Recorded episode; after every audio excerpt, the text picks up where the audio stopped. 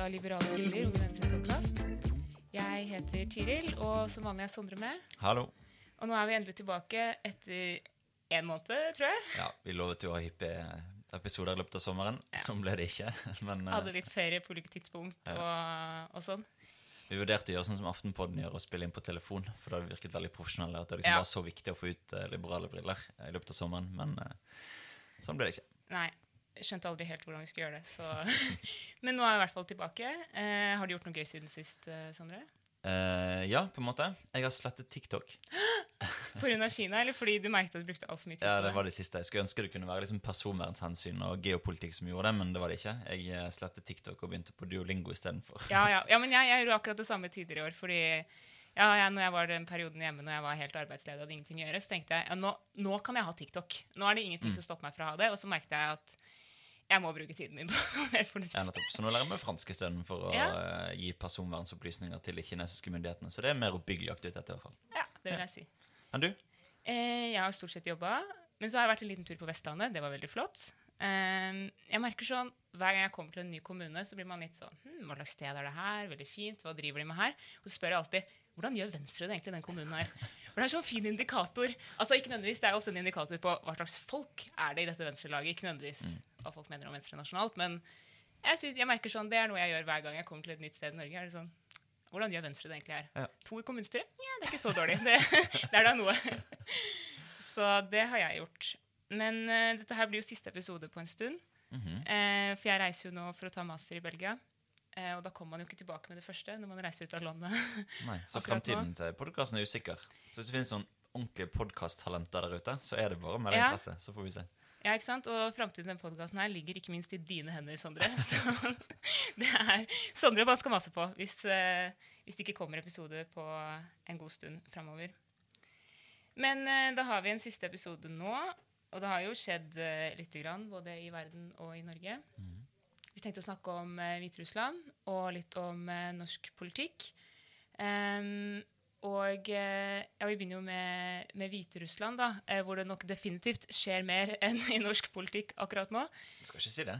Eh, men eh, der er det jo sikkert mange har fått på seg veldig mye opptøyer.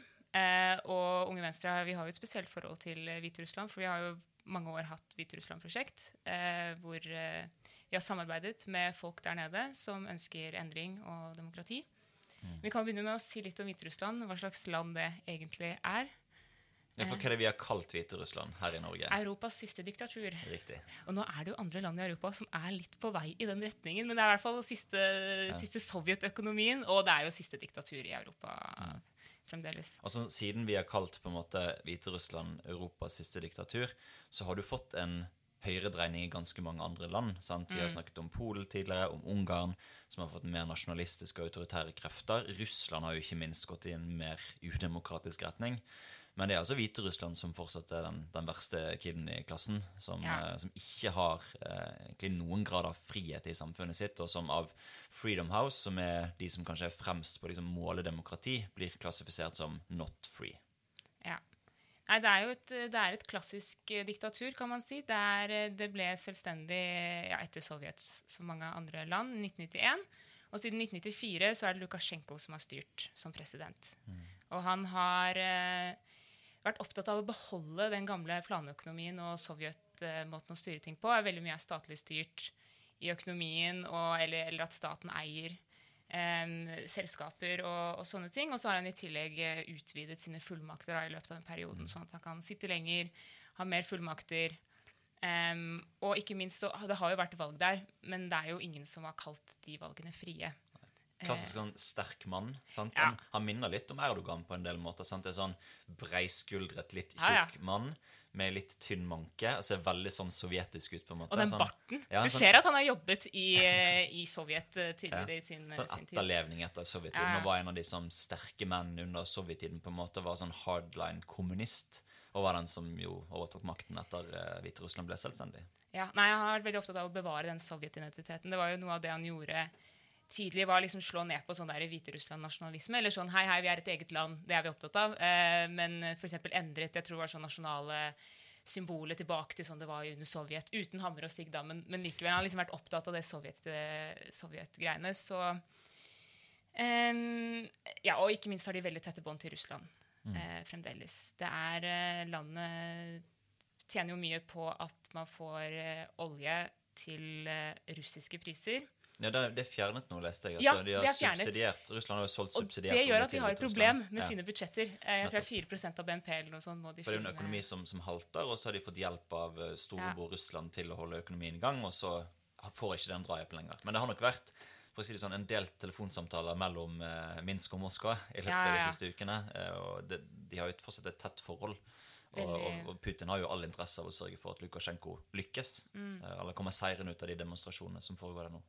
Ikke sant? Ja, for det er jo Det som har skjedd, er jo at det har vært eh, valg 9. august, hvor Lukasjenko vant da med litt sånn anførselstegn eh, med 80% sier de. Eh, og så var det en opposisjonskandidat eh, som heter Svetlana Tikhanovskaja. Vi Her- kaller henne Svetlana. Fra nå av, Svetlana. Fra nå av Svetlana. Ja. Em, som da fikk 9,9% sier de. Men det er jo veldig mange uenig i. Um, Hun hevder vel sjøl at hun fikk 50-60-70% av stemmene. Ja, hun sier det er et flertall i den hviterussiske befolkningen for som stemte på meg. Og det folk som har jobbet på disse vært med og telt opp stemmer rundt omkring, sier også at de har sett 70-80% stemte på henne. Så det her kan ikke gi mening. Sånn, Det er jo derfor, det er derfor disse demonstrasjonene altså det er derfor Folk tok til gatene. Sant? Det var en forventning i den hviterussiske befolkningen om at Svetlana kom til å gjøre et godt valg. Og være en som gjennomfører reformer, mer demokrati, mer ytringsfrihet. Og man trodde kanskje at resultatet kom til å bli jevnere enn det det ble. Og når man så at eh, det resultatet som tross alt ikke er anerkjent av bl.a. EU, ble på 80% i favør Lukasjenko, så tok mange til gatene fordi at de hadde stemt på noe helt annet. Ja, Nei, Det var det valglokalene stengte, og så kom en sånn valgdagsmåling på 80 og alle er sånn bullshit, og så går man ut i gatene.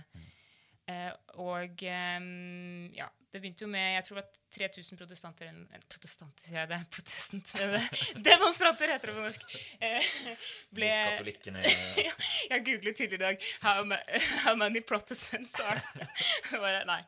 Eh, men eh, ja, rundt 3000 demonstranter som ble arrestert den første dagen. eller noe sånt. Eh, og det har vært eh, ganske brutal, brutal politivold og eh, satt inn eh, harde midler for å, for å stoppe demonstrantene. Men det har ikke fungert. Folk har fortsatt å ta til gatene. Jeg, jeg leste det var 200 000 mennesker som protesterte i Minsk på søndag. Eh, og også enda flere, eller mange andre mennesker i de, de andre byene. Så nå er det i ferd med å skje ting. Så har mange av de vært fengslet. Eh, Ja. Og så gjorde de kanskje da trekk som ikke var så lurt, for de slapp jo en del ut i fengsel igjen. Ut av fengsel. Ja, Men det de gjorde, var jo å komme og sa at de har blitt torturert. Mm. Noe som kanskje bare oppildnet befolkningen enda mer om de bare hadde holdt det i fengsel og ikke hadde fått lov til å forklare hva de har opplevd der. ja eh, Dårlig, dårlig autoritær styre der. Det fins gode autoritære regimer, så fins det dårlige. Jeg har ikke lært noe på de 26 årene. Men det som også bare eh, jeg så også at eh, Det var en del som mente at eh, håndteringen av eh, koronakrisen i, i Hviterussland hadde også påvirket dette. her. Og så bare gikk jeg inn i dag for å se på hvor mange som har dødd av korona eh, i Hviterussland. Og det er ikke så mange, altså. Nei. De har jo hatt null nedstenging. altså De har hatt fulle fotballstadioner og ingen tiltak for, for å begrense at folk samles. Og Hviterussland er et land på rundt 9,5 millioner innbyggere, og der er det 610 som har dødd. Offisielle tall. Så om Ja. det er liksom flere enn det, det kan godt hende. Men det ser ikke ut, og nå eh, snakker jeg kanskje mot bedre vitende, som at Hviterussland er veldig hardt rammet. Han anbefalte jo Lukasjenko var det Vodka. vodka, sauna og hardt arbeid som Åh. kur mot eh, korona. Så det er også klassisk diktaturstil å anbefale det mot, mot en sykdom. Ja, ikke sant? Nei, jeg vet ikke om det er offisielt Eller det er, ja, det er offisielle tall, så det er litt vanskelig å si. Litt som da jeg hadde presentasjon om Kina i et samfunnsøkonomifag, og så var professoren min etterpå ja, Tiril, hva, hva tror du om kilden til disse tallene? Jeg var sånn, ja, nei, det er bare bullshit. Så, men det er litt uh, vanskelig, å, vanskelig å vite. Men, men ja, til tross for korona så, så protesterer de med, med ansiktsmasker og uh, tar til gatene. Um, og eh, hun, opposisjonskandidaten da, hun er jo i Litauen nå.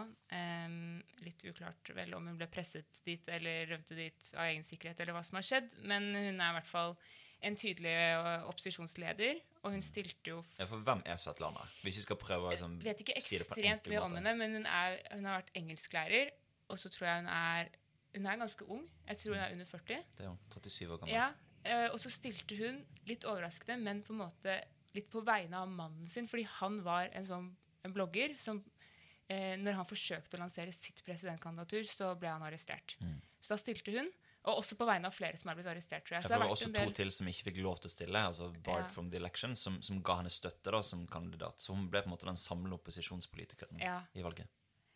Nei, så hun, eh, hun har vært det. Og um, hun har jo sagt nå at hun er klar til å lede landet. Og det hun da ønsker å gjøre, er jo å slippe ut de som er arrestert, som har eh, demonstrert. og ikke minst ha et fritt valg. Mm. Det er det hun ønsker. Mens Lukasjenko sier det kom, ingen her skal klare å presse meg til noen ting. Vi skal ikke ha et nytt valg. Vi har akkurat hatt et valg. Hva er det dere holder på med? Det Han, hans Mm. han eh, arrangerte sine, egen, sine egne demonstrasjoner utenfor Ja. jeg tror det var parlamentet, eller noe sånt, hvor han hadde samlet 5000 stykker. Og det ser jo litt uh, dårlig ut når det er 200 000 som, som demonstrerer i gatene. Hvor han hadde satt de på masse stoler og sagt sånn eh, ropt 'Vil dere ha frihet?' Og alle bare 'Nei'. altså, 'Vil dere ha reformer?' Nei. og så holdt han en sånn oppildende tale om hvorfor han var den riktige, fordi han ikke hadde lyst til å gi de reformer og frihet. Og fordi han ikke minst blir sett på som en sånn altså, garantist mot utenlandsinnblanding da, i Hviterussland. De er skeptiske til innvandrere og utenlandsinnblanding. Utenlandsk innblanding, De er skeptiske til Nato. Så han blir jo sett som garantisten for at vi ikke skal liksom, åpne opp samfunnet for utenlandsk innflytelse. Ja, for det han sier nå, er jo liksom Ja, hvis dere, hvis dere fjerner meg, så er det starten på slutten. Og eh, Nato kommer til å invadere dere, og, og, og sånne ting. Så det ja, typisk strongman. Det er bare meg dere får fred og stabilitet med. med. Og, så- ja. og så har det vært protester før Ja, i Hviterussland. Det har det. Eh, Men hva er det som gjør at det er større nå? Ja, altså det har jo pleid å være protester etter valg. Eh, men nå så, så fortsetter de.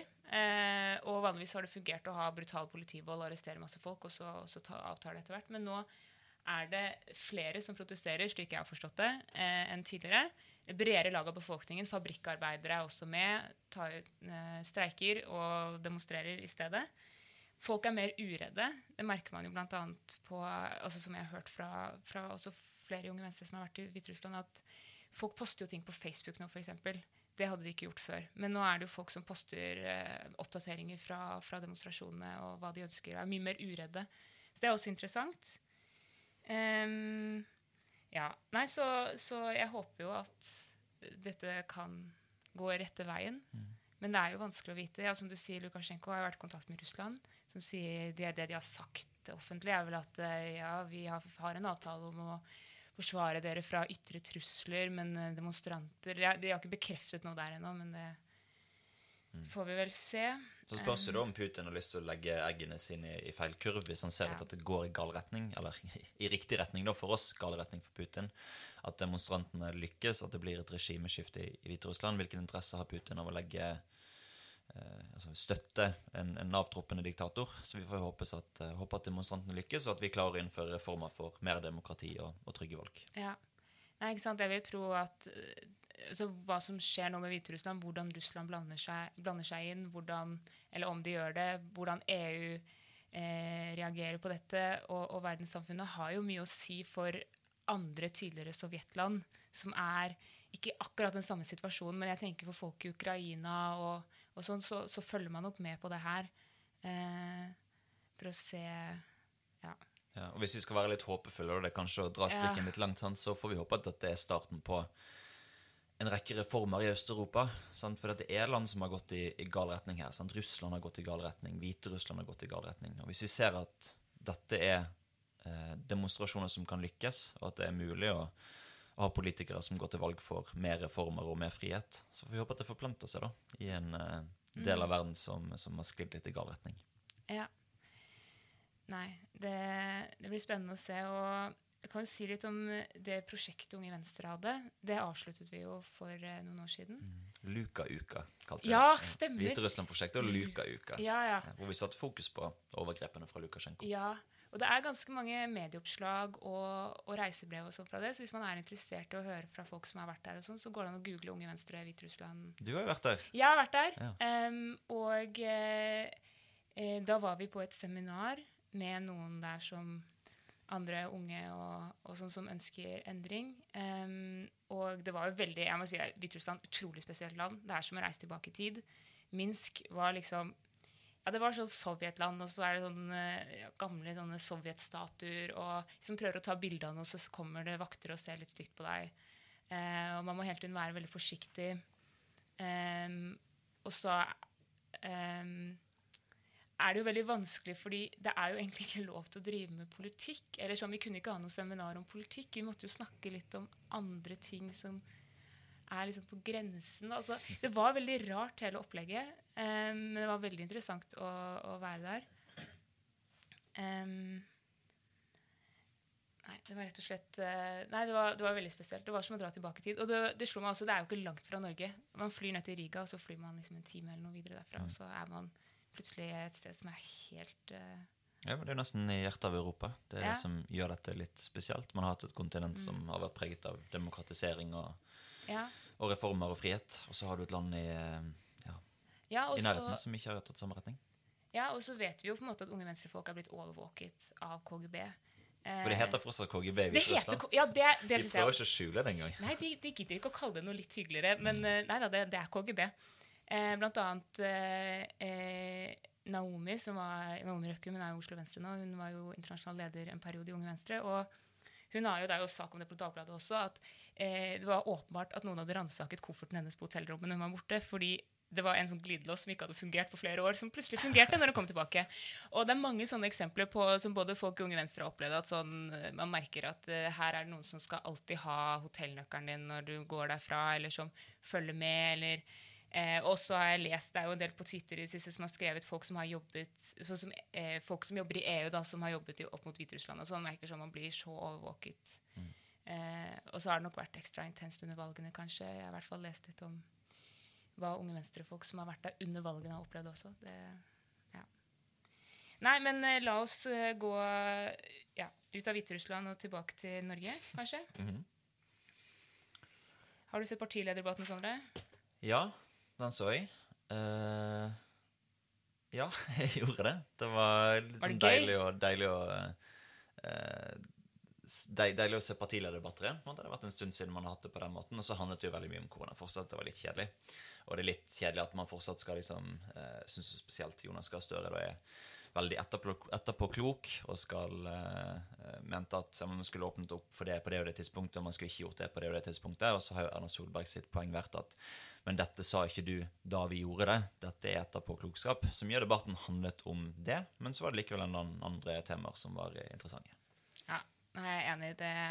Altså, sånn til deres forsvar, Det er nok ikke lett å være opposisjonspolitiker nå, men det var utrolig mye etterpåklokskap. Samtidig så mye sånn lansering av egne fikse ideer om sånn hvordan man skal hvordan man skal gjøre ting, og at ja, nå må breddefotballen åpne seg, liksom et eller annet sånt som man eh, ja, Nei, jeg hadde, ikke, jeg hadde nok ikke turt å, å lansere sånne ting. Men eh, jeg syns også det var gøy å se på, for det er jo lenge siden sist nå. Før har jeg alltid vært litt sånn Å, gøy med sånn partilederdebatt, og så er det i gang, og så vet man akkurat hva de skal si, og så er det litt kjedelig. Men nå, var det sånn, nå er det lenge siden vi har sett disse folkene debattere, så det, det var spennende. Uh, og det var jo litt diskusjon om andre ting enn korona også. Mm. Um, Hvem syns du var best, egentlig? jeg, ja, jeg, syns, eh, jeg, syns, jeg syns Trine en kjem, leverte en veldig god debatt.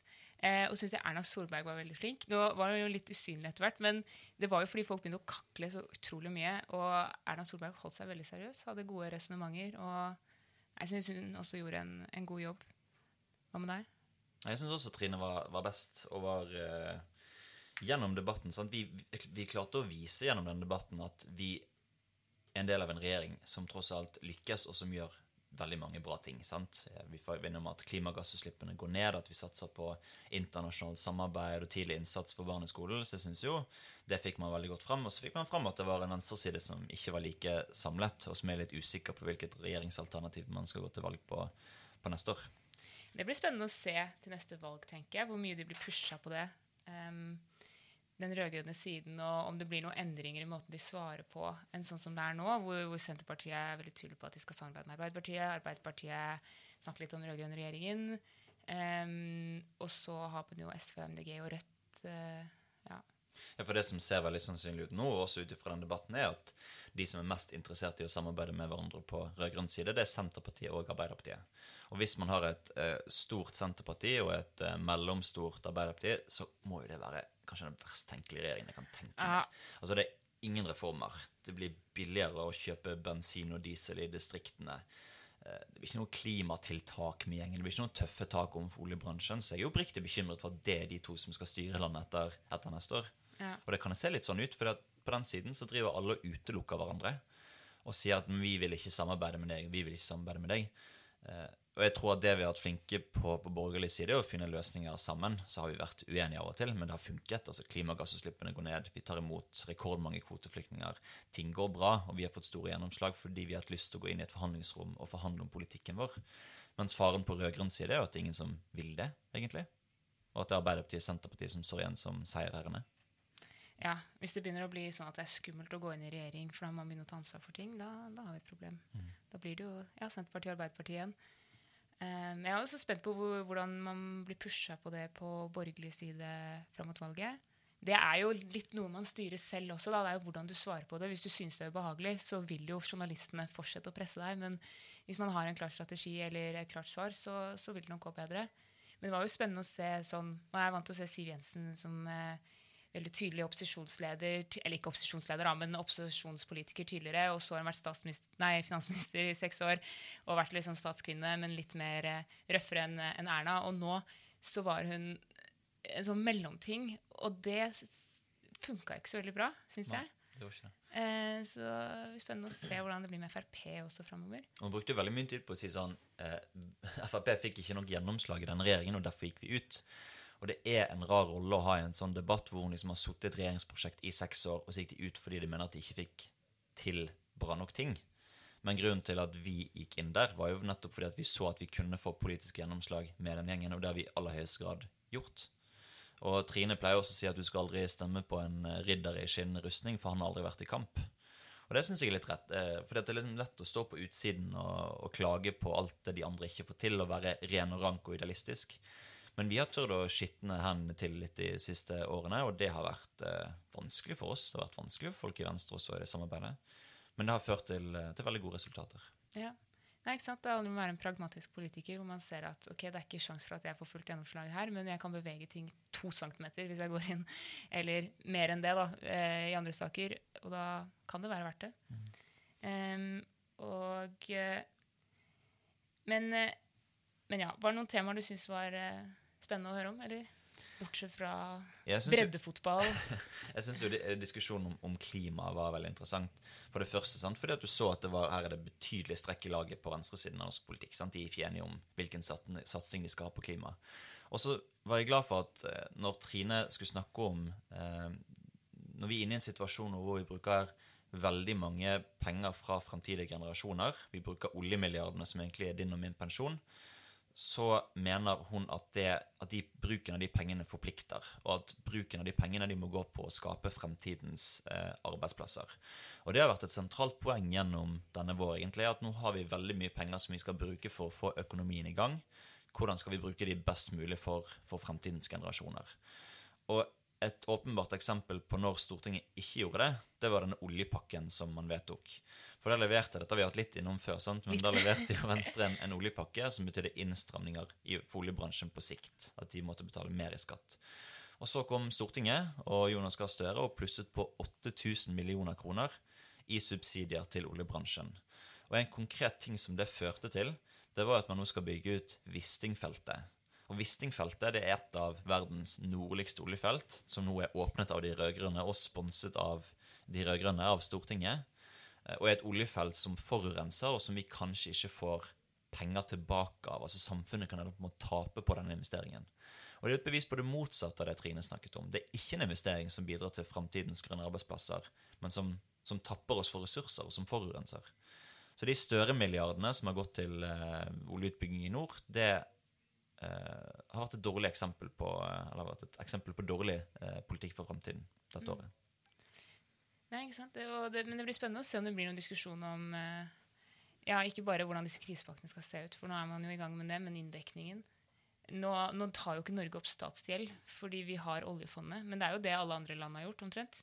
I disse tidene når man må finansiere store pakker. Og da må man jo planlegge politikken framover for at disse pengene må spares inn på en eller annen måte. Og ja, både at man bevilger til investeringer sånn at man får noe igjen for det, men, men også at uh, man kan ikke ha uh, ja, man, ja, man må finne inndekning for pengene sine. Mm. Ja, for det, er sånn, kan, det er ikke sikkert alle forstår hvorfor dette er viktig i Norge, men kanskje du prøver å liksom, ta oss gjennom Vi har et oljefond på 10 000 milliarder kroner. Ja. Verdens største fond. Hvorfor kan vi ikke bare bruke alle de på gode ting hele tiden? Det er fordi da Altså hvis du bruker helt utrolig mye penger eh, på en gang, så vil jo egentlig bare prisene stige. Altså Du får jo ikke noe mer igjen for det. Det er det man kaller hollandsk syke. Eh, og hvis du bruker det på eh, Altså hvis, hvis vi bare hadde gitt folk mer penger, så hadde vi jo bare Ja, da hadde jo prisene bare steget. Sant? så det, det, er det der, den veldig karikerte versjonen av det også. Men så er det jo også det derre rettferdigheten i det. At eh, det er ikke sånn at vi som lever i dag, er sånn Å, så flaks at vi lever nå og fant olje. Nå skal vi eh, få alle pengene. Men det handler jo om at vi har lyst til at eh, våre barn og barnebarn også skal ha glede av de pengene. Og da bruker vi den delen av fondet som Eller en, ja, det tilsvarer avkastningen. Fordi formuen vår ligger jo egentlig ikke så mye under bakken lenger. Den ligger jo i internasjonal finans, eh, der hvor våre penger, eh, penger nå er. Eh, og der sier man at man tjener, har ca. 3% avkastning på de investeringene i året. Eh, om den er akkurat det, det diskuteres jo, men da er det det man kan bruke i snitt. da. Det er handlingsregelen. Jeg tror også folk må huske på at eh, Norge går jo egentlig i underskudd i statsbudsjettet i dag. Sant? Vi har et underskudd ja. på, på 230 Oljekorrigerte strukturelle underskuddet. Riktig. For å si det på en litt enklere måte, så har vi hvert år et underskudd på 230 milliarder kroner som vi dekker inn med oljepenger. Og da er spørsmålet, Hvis du skal bruke enda mer penger over statsbudsjettet, så tapper du oljefondet for penger. Og det skal jo gå til min og din pensjon når vi blir gamle og finansierer på en måte en velferdsstat i årene fremover. Og når vi ser at oljeinntektene går nedover, budsjettene fortsetter å øke, og venstresiden lover utrolig mange ting som de ikke har penger til å finansiere, så betyr det at vi må ta det fra oljefondet. Så bekymringen min er jo at vi kan ende opp i en situasjon hvor de liksom begynner å, å tappe oljefondet, overopphete norsk økonomi, love for mye til at vi klarer å holde, og ikke gjennomføre de reformene som trengs for å bedre norsk økonomi. Mm. Ja, litt av Poenget med oljefondet er jo at det skal være der som en buffer når man trenger det. sånn at du skal ikke bruke 3% hvert år nødvendigvis. Du skal bruke litt i perioder hvor det går veldig bra i økonomien, sånn at du ikke stimulerer økonomien med enda mer penger og får at det er liksom sånn falsk økonomisk aktivitet da, som opprettholdes av at man bare pøser inn mer penger, men at det heller du booster økonomien når det går dårlig, sånn som nå er et veldig veldig godt eksempel på. Og så bruker du litt mindre penger fra oljefondet i andre tider. Og så vil det i snitt være så mye man kan bruke uten at fondet blir mindre, og at vi blir fattigere i framtiden. Men ja, nei, alternativet hvis man skal finansiere veldig dyre ting i Norge, så er det enten å bruke oljefondet eller å øke skattene. Um, så, men man må øke skattene ganske mye da, hvis man skal bruke veldig mye penger. Og, eh, og nå står Siv Jensen og snakket om eh, 10 milliarder uh, skatteøkning. Det er jo egentlig ikke så mye. Altså, det er jo, ja. Skal du ha virkelig Nei, men eh, hva tror du blir eh, Tror du det blir litt diskusjoner om eh, oljepengebruk og sånn i valgkampen, eller tror du folk ikke kommer til å være så interessert i, i det? Jeg tror jo alle partier er jo enige om sant? nettopp det du sier at med oljefondet så skal vi bruke mer penger i dårlige tider, og så skal vi spare i dårlige tider. Nei, unnskyld, spare i gode tider. Så jeg tror alle er enige om at i den situasjonen vi er i nå, så er det riktig å bruke mye penger. Og så kommer diskusjonen seinere, når det er gode tider, hvor kan vi spare inn? Men jeg tror ikke jeg kommer allerede til neste år. Det tror jeg blir stortingsvalget i 2025. Eh, men det er jo klart at arbeid blir viktigere for folk. Vi ser det på undersøkelser nå at eh, arbeid blir stadig viktigere for valggruppen gjennom koronakrisen. Og det mener jeg Venstre har gode svar på, og som må tilby gode svar i valgkampen. For for oss så har jo ikke dette handlet om at når en krise treffer oss, så skal vi bruke pengene til å sponse alle de jobbene som finnes i dag. Men vi skal faktisk bruke noen penger på å sponse framtidens arbeidsplasser. De arbeidsplassene som ingen har funnet opp ennå, de arbeidsplassene som de, som de 200 000 som jobber i oljenæringen, skal jobbe av etter at oljeinntektene struper. Eh, så det må vi ha gode, troverdige svar på. Det mener også at vi har. Være på lag med det private næringslivet i eh, grønne insentiver til verdiskapning og arbeid eh, tror jeg blir viktig for velgerne. Og så tenker jeg at alle har kanskje sett, ikke alle, de som bor i Oslo, da, har kanskje sett de plakatene som henger rundt omkring med bilder av Erna, og så står det sånn 'Vi styrer deg trygt gjennom krisen', eller noe sånt. Og trygghet blir viktigere for folk. Men jeg tror også frihet blir. Fordi at nå har vi vært gjennom et halvår hvor mange har sittet på hjemmekontor. Mange har ikke kunnet møte vennene sine. kjæresten sin, familien sin, ikke kunnet tatt kollektivtransport, ikke kunnet reise. Og jeg tror mange kjenner på hva som skjer når litt av friheten forsvinner. Og jeg tror jo at det finnes et stort rom for Venstre å være et parti som går til valg på mer frihet i hverdagen. Friheten til å velge litt mer sjøl, litt færre forbud. Og kjenne at du kan, være, du kan være sjef i egen hverdag. Jeg tror det finnes et rom for et liberalt parti i norsk politikk neste året, som både bryr seg om mer verdiskapning, men som også snakker om verdien av frihet, som jeg tror mange kjenner på akkurat nå. Mm. Har også tenkt om eh, neste år blir eh, endelig et sånn helsepolitikkvalg. For det er jo noe man, når man spør folk om hva, hvilke saker er du opptatt av, eh, så svarer jo nesten alle velgergrupper, da, hvis man ser på de ulike partiene, har jo helse på topp. Og det er, er jo ikke nødvendigvis en uh, gjenspeiling av hvordan de, de, stemmer. fordi det er jo typisk noe folk svarer, fordi alle tenker at helse er viktig.